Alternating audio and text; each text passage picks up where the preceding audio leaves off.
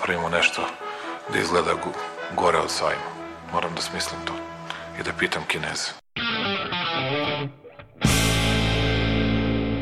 I've today left hospital after a week in which the NHS has saved my life. Ne mogu da verujem da narod koji je preživao sankcije, bombardovanje, svakojako maltretiranje će se uplašiti najsmesnijeg virusa u istoriji čovečanstva koji na Facebooku postoji. And now I'm better and maybe I'm immune, I don't know. Dobro večer. Mene su poslali iz štaba. Ja ću vam pomoći. Aleksandar Kocić Jelena Viser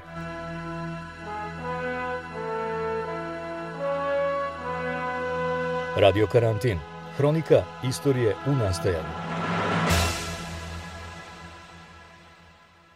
Dobrodošli u novi podcast Radio Karantin. Moje ime je Jelena Fiser i u ovoj epizodi Aleksandar Kocić i ja bavimo se time na koji način je pandemija uticala na položaj žena. Da li su stres, zatvaranje, gubitak posla ili rad od kuće uticali i na porast nasilja nad ženama? Na koji način je pandemija unazadila ekonomski položaj žena, odnosno poništila rodnu ravnopravnost?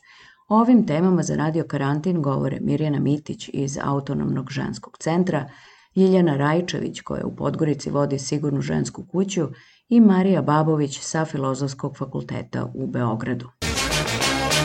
Grupa pri Ujedinjenim nacijama UN žene koristi frazu pandemija iz senke da objasni dramatičan porast nasilja nad ženama tokom proteklih godinu dana.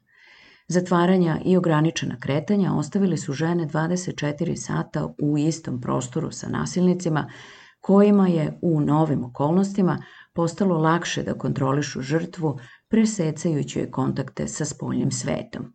Mirjana Mitić iz Autonomnog ženskog centra objašnjava da je broj poziva koje ova organizacija dobila putem SOS telefona za podršku žrtvama nasilja u prvih mesec dana vanrednog stanja bio tri puta veći u odnosu na isti period prošle godine i da su se za pomoć javljale uglavnom nove žrtve. E, ja sam skoro video da ste vi objavili neko istraživanje e, u kojem između ostalog stoji da je protekle godine u Srbiji ubijeno najmanje 26 žena u partnersko-porodičnom nasilju, a u prethodnih 10 godina 320 ali kažete da je teško utvrditi tačan broj žrtava jer zvanična statistika ne postoji. To je da, mi sve informacije koje imamo, konkretno se koleginica moja bavi femicidom, to je ubistvo žena, ovaj, samo zato što su žene. Um, koleginica aktivno uh, svake godine uh, samo uzima podatke koje dobijamo iz medija, što, kako da kažem, nije zvanični podatak, jer uh, ne mora da znači da je sve završilo u mediji i ne mora da znači da je sve prepoznato kao femicid kroz medije. Tako da, da, zvanična statistika u Srbiji još uvek ne postoji. Zašto ne postoji? Bilo je priča da će se tome, mislim, čak što više postoje, na primjer u policiji, koliko ja znam, međutim, nema odvojeno, znači dobijete podatak koliko je žena ubijeno, ali nema odvojeno ko je izvršilac. Znači, nema te kategorije da vi tačno možete da vidite zapravo kada je u pitanju ovaj, ubistvo žene od strane partnera, bivšeg partnera, emotivnog partnera, znači ne, ne, ne možemo prosto da odvojimo u toj brojci, ne možemo da odvojimo kategoriju koja se odnosi na, na femicid. I kažete mi za prošlu godinu, to je godina koju je obeležila pandemija, još uvek smo u pandemiji i pod određenim merama, negde više, negde manje. U tom smislu, kada je u pitanju nasilje nad ženama, kakva je bila 2020 mogu reći vrlo uh, izazovna i za uh, žene koje su nam se javljale, pre svega za žene koje su nam se javljale, uh, ali i negde i za nas koje smo pružateljke usluga. Ovaj, mislim i za čitav, čitav sistem zapravo. Um, za žene koje su nam se javljale bilo je vrlo izazovno zato što naročito na početku nije bilo nekih jasnih informacija, uh, jer nije dovoljno, kako da vam kažem, da izađete u medije i da kažete prijavi nasilje i šta ćemo nakon toga što se prijavi nasilje. Mislim, prosto mora da postoji podrška ženi da će nakon te prijave zaista da dobije svu podršku i zaštitu koja je toj ženi potrebna. I negde mislim da bez bezbedonosnog plana, naravno, ne kada je u pitanju akutna situacija, ne kada je nečiji život ugrožen, naravno da ćete tada prvo pozvati ove institucije, pre svega mislim na policiju i žene znaju taj broj, to nije nikakav problem, ali a, a, ako, ako pričamo o nekom kontinuiranom nasilju koje ovaj, znamo da u većini slučajeva i traje po par godina, a, nije dovoljno ženi reći prijavi nasilje. Znači, prosto ženama je potreban plan za dalje. Pa, pitanja sa kojima se žene žrtve nasilja suočavaju su različita, svačiji život je potpuno različit. Znači, a, meni je, kako da vam kažem, a, neke stvari su mi potpuno nesagledive zato što to nije moj, jel te, život. Ja ne bih sebi nikad postavila tako pitanje, ali to ne znači da ta žena sebi ne postavlja to pitanje.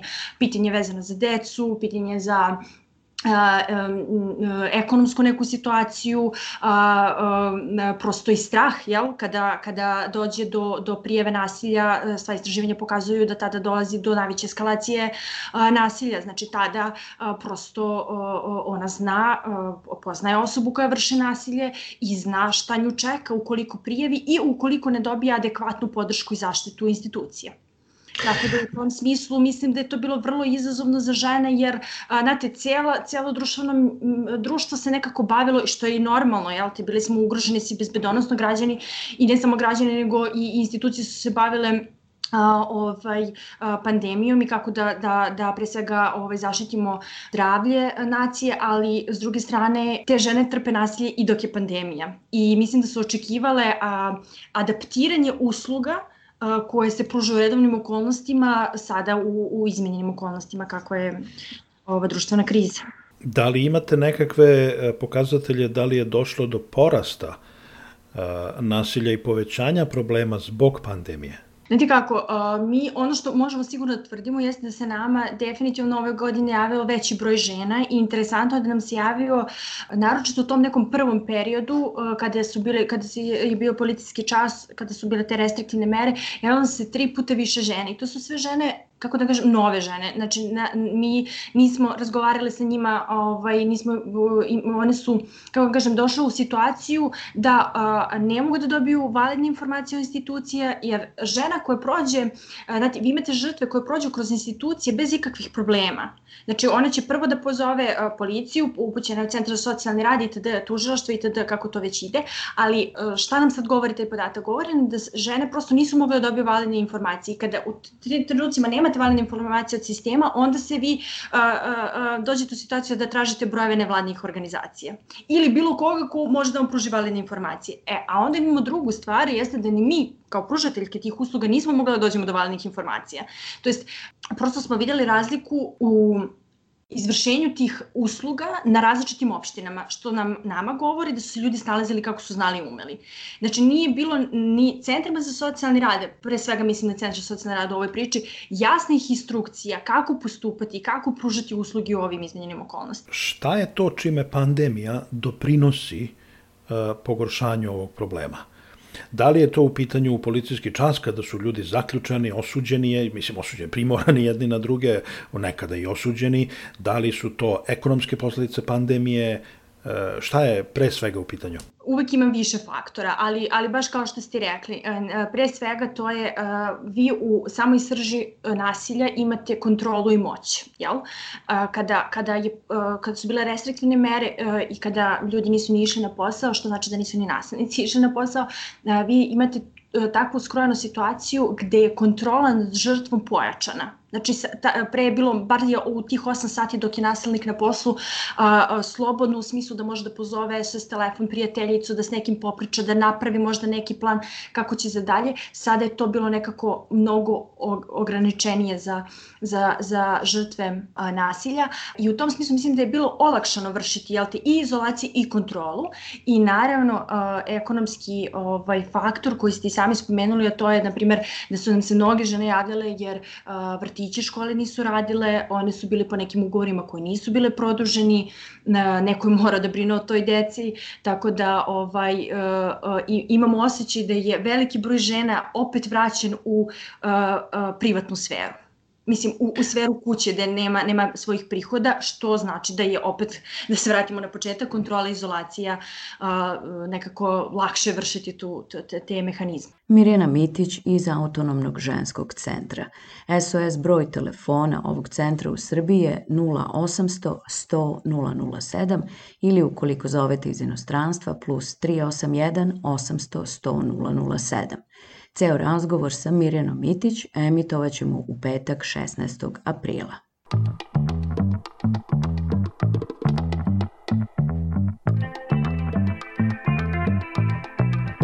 Radio karantin.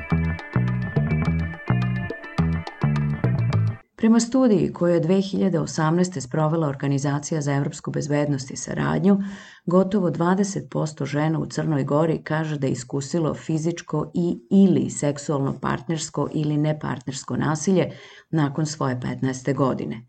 Ljeljana Rajičević, koja u Podgorici vodi sigurnu žensku kuću, kaže za Radio Karantin da na početku pandemije telefon u njihovoj organizaciji nije prestajao da zvoni mi smo posle pola godine odmah napravili neko uporedno stanje od one prošle godine do, na primjer, 2019. na 2020. Kako je? To je tada bilo 25% povećano i poziva i dolazaka i puno nam je sklonište bilo. Ali ja sam tada imala sa bivšim već ministrom policije, imala sam dosta dobar odnos i mogla sam da ga zovnem, imala sam njegov lični broj telefona.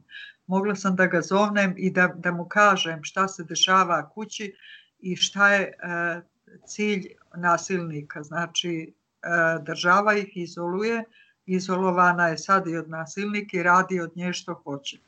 Da se obrati građankama Crne Gore i da kaže bježite kad osjetite opasnost, ne gledajte koliko je sati, nego bježite, neka vas policija hapsi i bolje je to, neka e, onda objasnite zašto ste napolje ili ovaj, molim vas da se javite na telefon, mi ćemo da pojačamo službu dolaženja i privođenja nasilnika. I to je koristilo.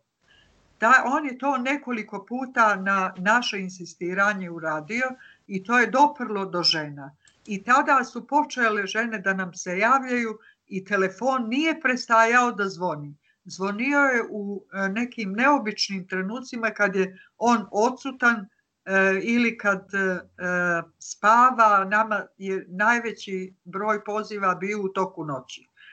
Znači, sad je taj procenat još veći, zato što su se žene sad osnažile.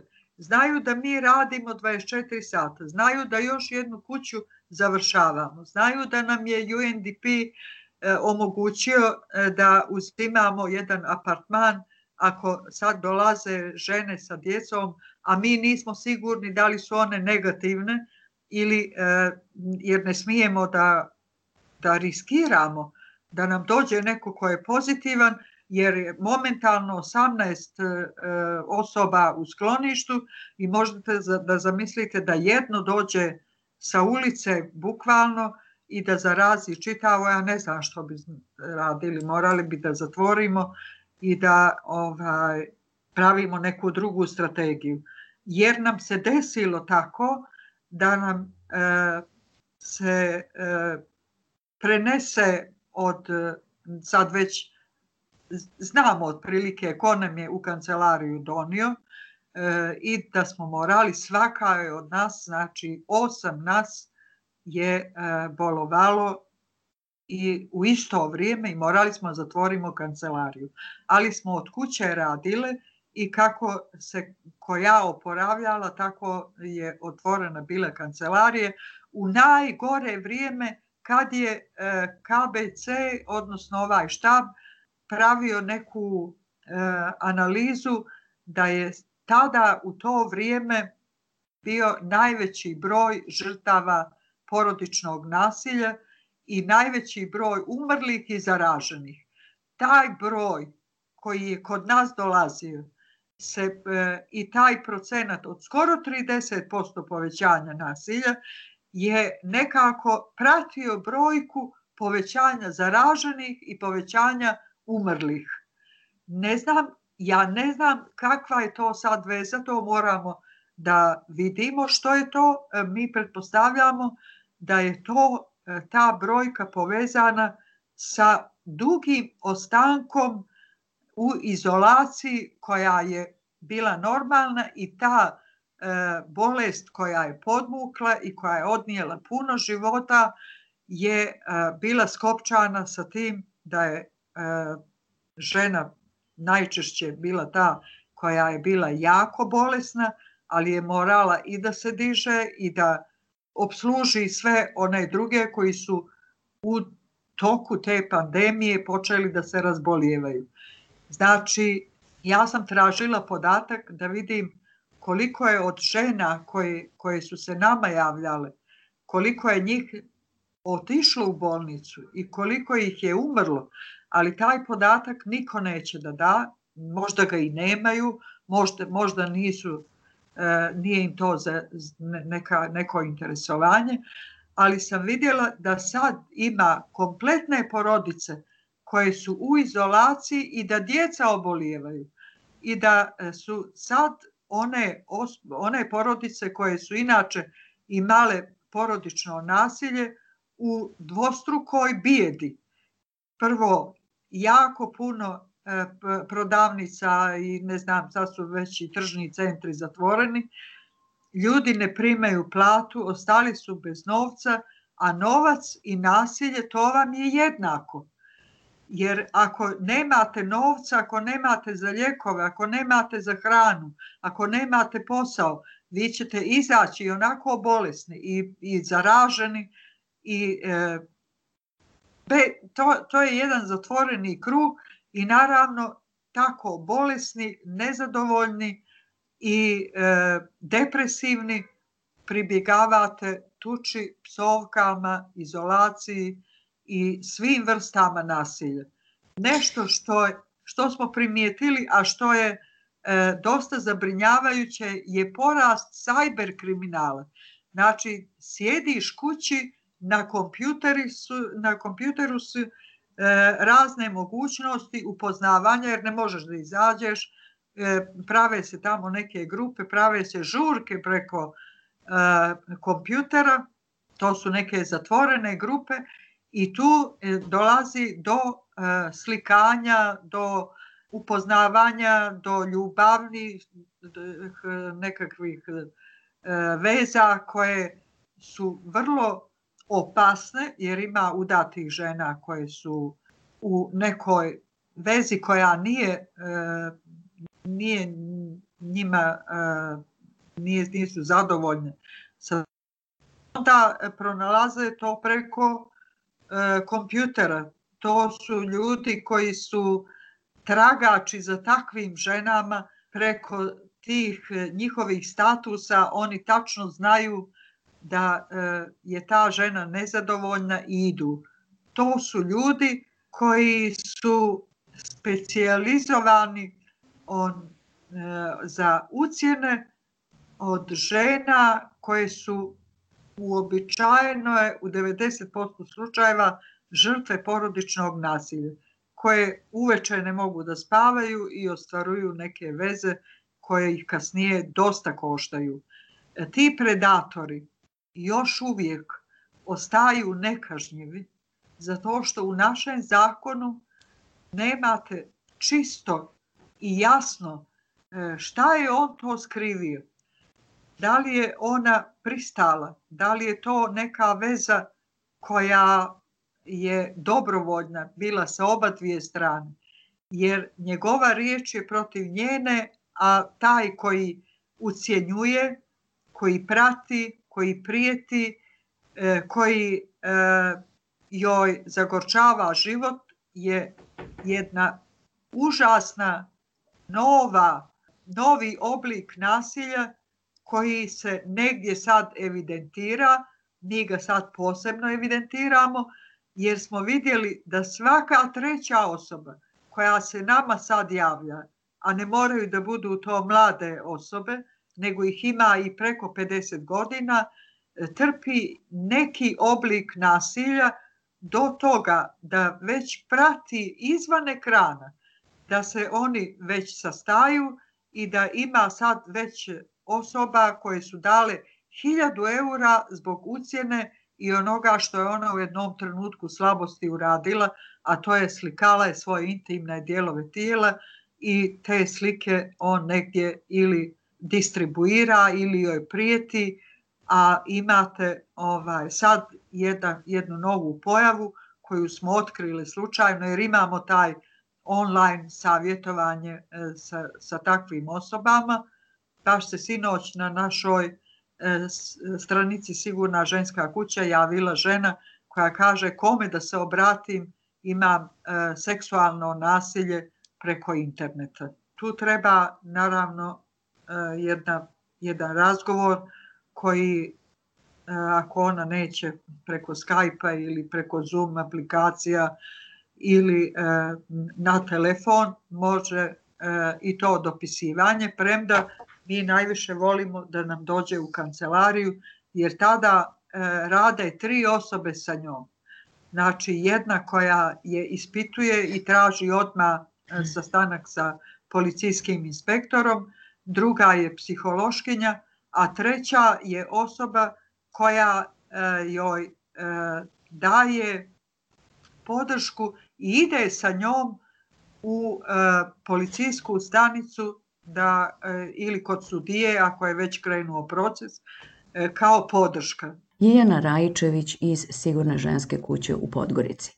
Ona za radio karantin govori o široko rasprostranjenom nasilju nad ženama u Crnoj Gori i nasilnicima među onima koji bi žrtve trebalo da štite, od policije do tužilaštva. O tome kako duboko patrijarhalno društvo i korupcija utiču na to da veoma mali broj žena u Crnoj Gori na kraju prijavljuje nasilnike. Razgovor iz dva dela sa Ljiljanom Rajčević emitovaćemo u sredu i četvrtak 21. i 22. aprila.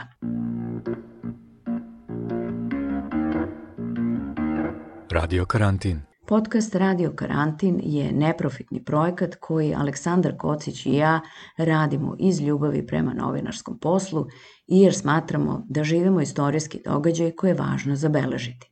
Zato vas molimo da nas podržite i postanete redovni pokrovitelj Radio Karantina preko Patreona ili jednokratnom uplatom preko Paypala.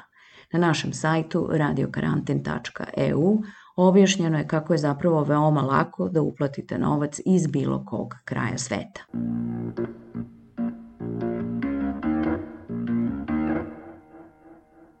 Globalno, zbog vanrednih mera u vezi sa pandemijom, više ljudi nego ikada ostaje kod kuće.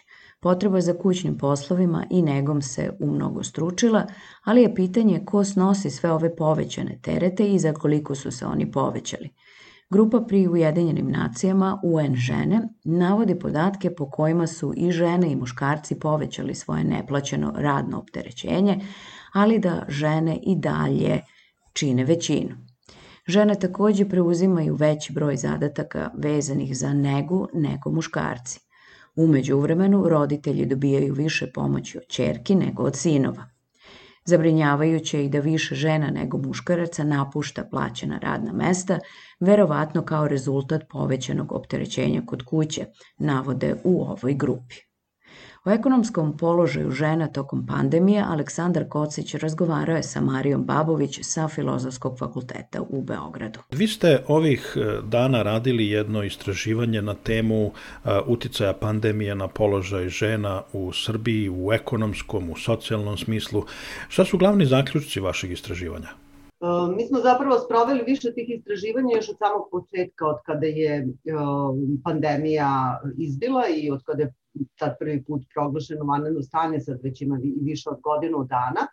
I zapravo sva ta istraživanja su pokazala da je uticaj na položaj žena, na njihove uslove života, kvalitet života, višestruko pogođen pandemijom. Radili smo istraživanje na opšte populacije žena, ali smo radili istraživanja i na uticaja na neke specifične grupe žena kao što su žene koje žive na selu, preduzetnice i na neke specifične aspekte kao što je ekonomija brige i tako dalje. Tako da smo zaista imali prilike da steknemo dosta precizne uvide u to na koji način je se pandemija uticala na žene i mogu da kažem ona je svakako uticala i na žene i na muškarce, ali upravo zbog toga što postoje ti neki urodnjeni obrazci uključivanja u različite sfere društva, u, u tržište rada, taj, e, u podelu odgovornosti u porodici, taj uticaj na žene i muškarce nije bio isti. Kada su u pitanju žene, moram da kažem da je sa jedne strane njihov uticaj recimo na gubitak posla, u principu ono što pokazuje i anketa o radnoj snazi, sad je objavljena i anketa za čitavu 2020. godinu, efekat u smislu gubitka posla i deaktivacije je bio veći na muškarci što ne iznenađuje upravo zbog toga što su žene visoko skoncentrisane u sektorima koji su bili veoma važni tokom pandemije. Sada pre svega mislim na sektor zdravstva, e, u sektoru zdravstva, dakle 80% zaposlenih su žene i taj je sektor zapravo visoko počivao, izrazito počivao na toj ženskoj radnoj snazi, opet sa druge strane neki sektori koji su bili više pogođeni, pandemijom e, neke oblasti proizvodnje, ugostiteljstvo, naročito i tako dalje. To su i sektori koji zapošljavaju muškarce. U tom smislu efekat je bio da se jedan veći broj muškaraca nego žena deaktivira i izađe privremeno makara, možda i trajnije sa tržišta rada. Uh, dakle, ali opet kada uporedimo sad neke specifične grupe žena, na primjer žene na selu su grupa koje, među kojom je najviše onih koji su izgubili posao tokom pandemije, dakle, ako uporedimo žene i muškarce u gradu i žene i muškarce na selu, dakle, žene koje žive u selskim područjima, mi znamo da u Srbiji dalje oko 40% gotovo stanovništva je žive u ruralnim područjima, Dakle, upravo su žene u ruralnim oblastima, među njima je najviše onih koji su ostali bez posla, naročito u tom prvom talasu, u tokom vanrednog stanja, pa i neposredno nakon vanrednog stanja, i negde možemo da vidimo, to nisu žene koje rade u poljoprivredi na sobstvenom gazdinstvu, to su žene koje su bile negde zaposlene i koje su zapravo bile zaposlene u tim nekim oblicima prekadnog rada, dakle sa nekim privremenim ugovorima, bez ugovora, dakle na crno, e, morale su da putuju do posla, pa je sa ukidanjem javnog saobraćaja to bilo nemoguće, ne prosto nisu mogle da i odgovore na zahteve poslodavaca da odlaze na posao, deca koja više nisu išla u školu nije imao ko da ih čuva i jedan broj žena, a naročito žena na selu je rekao da je i to bio važan razlog e, njihove nemogućnosti da odgovore na zahteve poslodavaca i da odlaze na posao u takvim uslovima. U kojim sektorima žene najviše rade? Žene su vrlo visoko skoncentrisane u sektorima socijalnih usluga, dakle to su obrazovanje, zdravstvo, socijalni rad, socijalna zaštita, trgovina takođe, Zatim, naravno, relativno visoko su zastupljene u sektoru usluga, ovih, sada pre svega mislim na lične usluge, dakle tu ima jedan čitav spektar usluga koje potpuno u njima dominiraju žene, kao što su frizeraj, kozmetički saloni i tako dalje. Vi znate da su oni, takođe evo i sad su ponovo bili zatvoreni neko vreme ovom poslednjem talasu mera.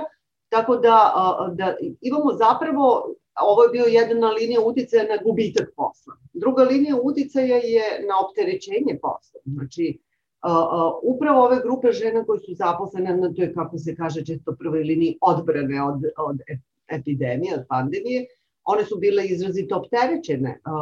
Žene koje rade u zdravstvu radile su veliki broj smena, bile su premeštane na radna mesta po potrebi, jel, takođe one su trpele te dvostruki teret, ako uzmemo recimo taj period kada ni obrazovne ustanove nisu radili ili tokom leta kad smo imali onaj opet jedan veliki pik, a kad deca nisu išle u školu, one su morale da mi znamo da žene u Srbiji, uopšte na Zapadnom Balkanu, nose tu nesrazmernu odgovornost brige o porodici, te primarno njihova odgovornost da brinu o deci starima, bolesnima u domaćinstvu e, e, i slično. I upravo su zbog toga žene bile dvostrukto opterećene da sa jedne strane na poslu imaju to veliko opterećenje, a sa druge strane da zapravo moraju kod kuće da obezbede brigu deci koje ne idu u školu, da pomognu deci da e, savladaju te digitalne forme učenja i nastave, pa i da imaju te povećeno, to povećeno opterećenje kućnim poslovima, bilo potrebno spremiti više obruka, povećati higijenu, dakle pokazalo se da su domaćinstva naročito u tom prvom periodu izrazito povećala neke prakse, održavanja higijene zbog zaštite zaraze. I to je sve palo nesrazmeno na žene. Mi smo dosta detaljno ispitivali kako su podeljene te odgovornosti između žene i muškaraca, da su se uključili više muškarci sad kad nisu išli na posao i tako dalje. Međutim, dobili smo nalaze, znate kako, svaka kriza otvara i neke šanse za promene, pa eto, mi smo se ponadali, možda će to biti neka prilika da se te ti obrasci svakodnevnog života gde žene nose tu sad dominantnu odgovornost u, u radu i brizi o porodici, a, međutim to se nije desilo. Negde su se malo uključili muškarci, ili to je glavnom, a, narativ je uglavnom pokazuje to je pomoć ženi, dakle uopšte nemate transformacije, percepcije o, o, tome da, su, da to treba da budu jednake odgovornosti ja, u porodici, i, ali najčešće, dakle najčešće zapravo samo dodato opterećenje na inače o, o, glavnu, glavnu obavezu žena i tome još kad se doda, dakle, s jedne strane to da su ove žene koje su bile u sektorima na posebnom udaru pandemije bile tamo dodatno opterećene ili kada pogledamo da žene koje su radile od kuće su sad morale na jedan nov način da kombinuju brigu o porodici i rad, to zaista pokazuje koliko je na njih bio snažan taj utjecaj. Naše istraživanje recimo pokazalo da su naročito bile frustrirane žene koje su radile od kuće i imaju malu decu. I to bilo za njih jako teško da, da organizuju, često su radile noćnim smenama, da bi ove uspele da obave svoj posao, jer preko dana to uvek nije bilo moguće, nisu uvek imale adekvatnu opremu, nisu imale uvek adekvatno prostoru u stanu u kome su mogli da se izoluju. Vi znate kako je sada, živi se na Zoomu, to je za njih jako frustrirajuće kad ne mogu da imaju tu vrstu uh, izolacije, da mogu da se skoncentrišu na te razgovori. Ka, vi kažete u istraživanju da je rodna nejednakost uh, prilično izražena u Srbiji. Uh, manje ili više u odnosu na okruženje i na Evropu ili ne? To, to ranije baš ne bih mogla lako da odgovorim na to pitanje, ali sada već, ne sada, ali već godinama unazad imamo taj evropski indeks rodne ravnopravnosti, dakle jedan vrlo kompleksan instrument kojim se meri rodna ravnopravnost u šest domena, znači u, o, na tržištu rada, u zapošljavanju, u, u zaradama, u, u obrazovanju, u načinu koji se provodi vreme, u političkoj, ekonomskoj moći i zdravlju i taj indeks zapravo se meri na način koji omogućava upravo uporedivost između država. Kada za Srbiju, evo sad upravo radimo treći izveštaj o indeksu rodne ravnopravnosti, u odnosu na Evropsku uniju mi e, po toj vrednosti indeksa prilično zaostajemo, znači zaostajemo u svim domenima, naročito je nepovoljna situacija u domenu novca, znači tog ekonomskog položaja žena i zapravo tog jaza jel, u, u zaradama i, i u ekonomskoj poziciji žene i muškaraca. Jaz je priličan i u, i u drugim oblastima, možda i najmanje nekako u zdravlju. A od nedavno, od prošle godine imamo i za nekoliko država u regionu, znači Severna Makedonija, Crna Gore i, i, i Albanija i one su objavile svoje izveštaje kada se uporede te vrednosti indeksa, Srbija, moram samo da se ogradim da ipak indeks Srbije stariji nekoliko godina nego što je za ove tri zemlje, ovo su noviji podaci, pa kada se taj stari indeks uporedi, pokazuje se da čak Srbija ima nižu vrednost, nešto nižu vrednost i od zemalja u regionu. Naravno, to su sad uh, pitanju neki podaci koji se mogu promeniti, recimo sa izborima dobijete veće učešće žena u parlamentu, pa ako nisu ažurirani podaci, ne, nešto može da bude razlog u tome. Nešto pokazuje kad se malo detaljnije pogleda, postoji neke razlike gde su te oblasti nejednakosti izraženije recimo u Albaniji, a gde u Srbiji, a gde u Severnoj Makedoniji. Dakle, nisu jednoobrazni, pa ne može samo kvantitetom da se meri, i neke nacionalne specifičnosti u rodnim nejednakostima, ali definitivno, dakle, Srbija ima jedan od najnižih indeksa rodne ravnopravnosti i to je nešto što je potpuno zabrinjavajuće, što opet ne čudi imajući u vidu kakve su okolnosti i, i imajući u vidu sve ono kako izgledaju ti rodni odnosi u, u različitim aspektima i naročito s obzirom na ovaj poslednji višegodišnji period jačanja autokratskih tendencija, desničarskih diskursa,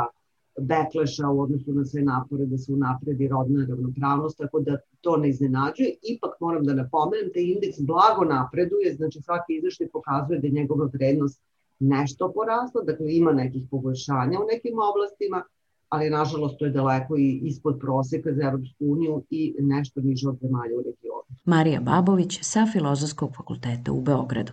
Ceo razgovor sa njom emitovat ćemo u ponedeljak 19. aprila.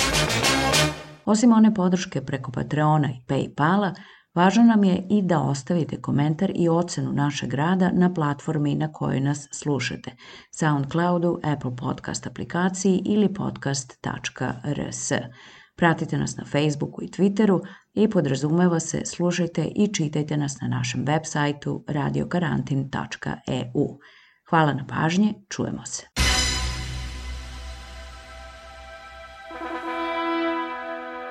Moramo da napravimo nešto da izgleda gore od sajma. Moram da smislim to i da pitam Kineze. I've today left hospital after a week in which the NHS has saved my life. Ne mogu da verujem da narod koji je preživao sankcije, bombardovanje, svakojako maltretiranje će se uplašiti najsmešnijeg virusa u istoriji čovečanstva koji na Facebooku postoji. And now I'm better, and maybe I'm immune. I don't know. Dobro večer. Mene su poslali iz štaba. Ja ću vam pomoći. Aleksandar Kocić Jelena Viser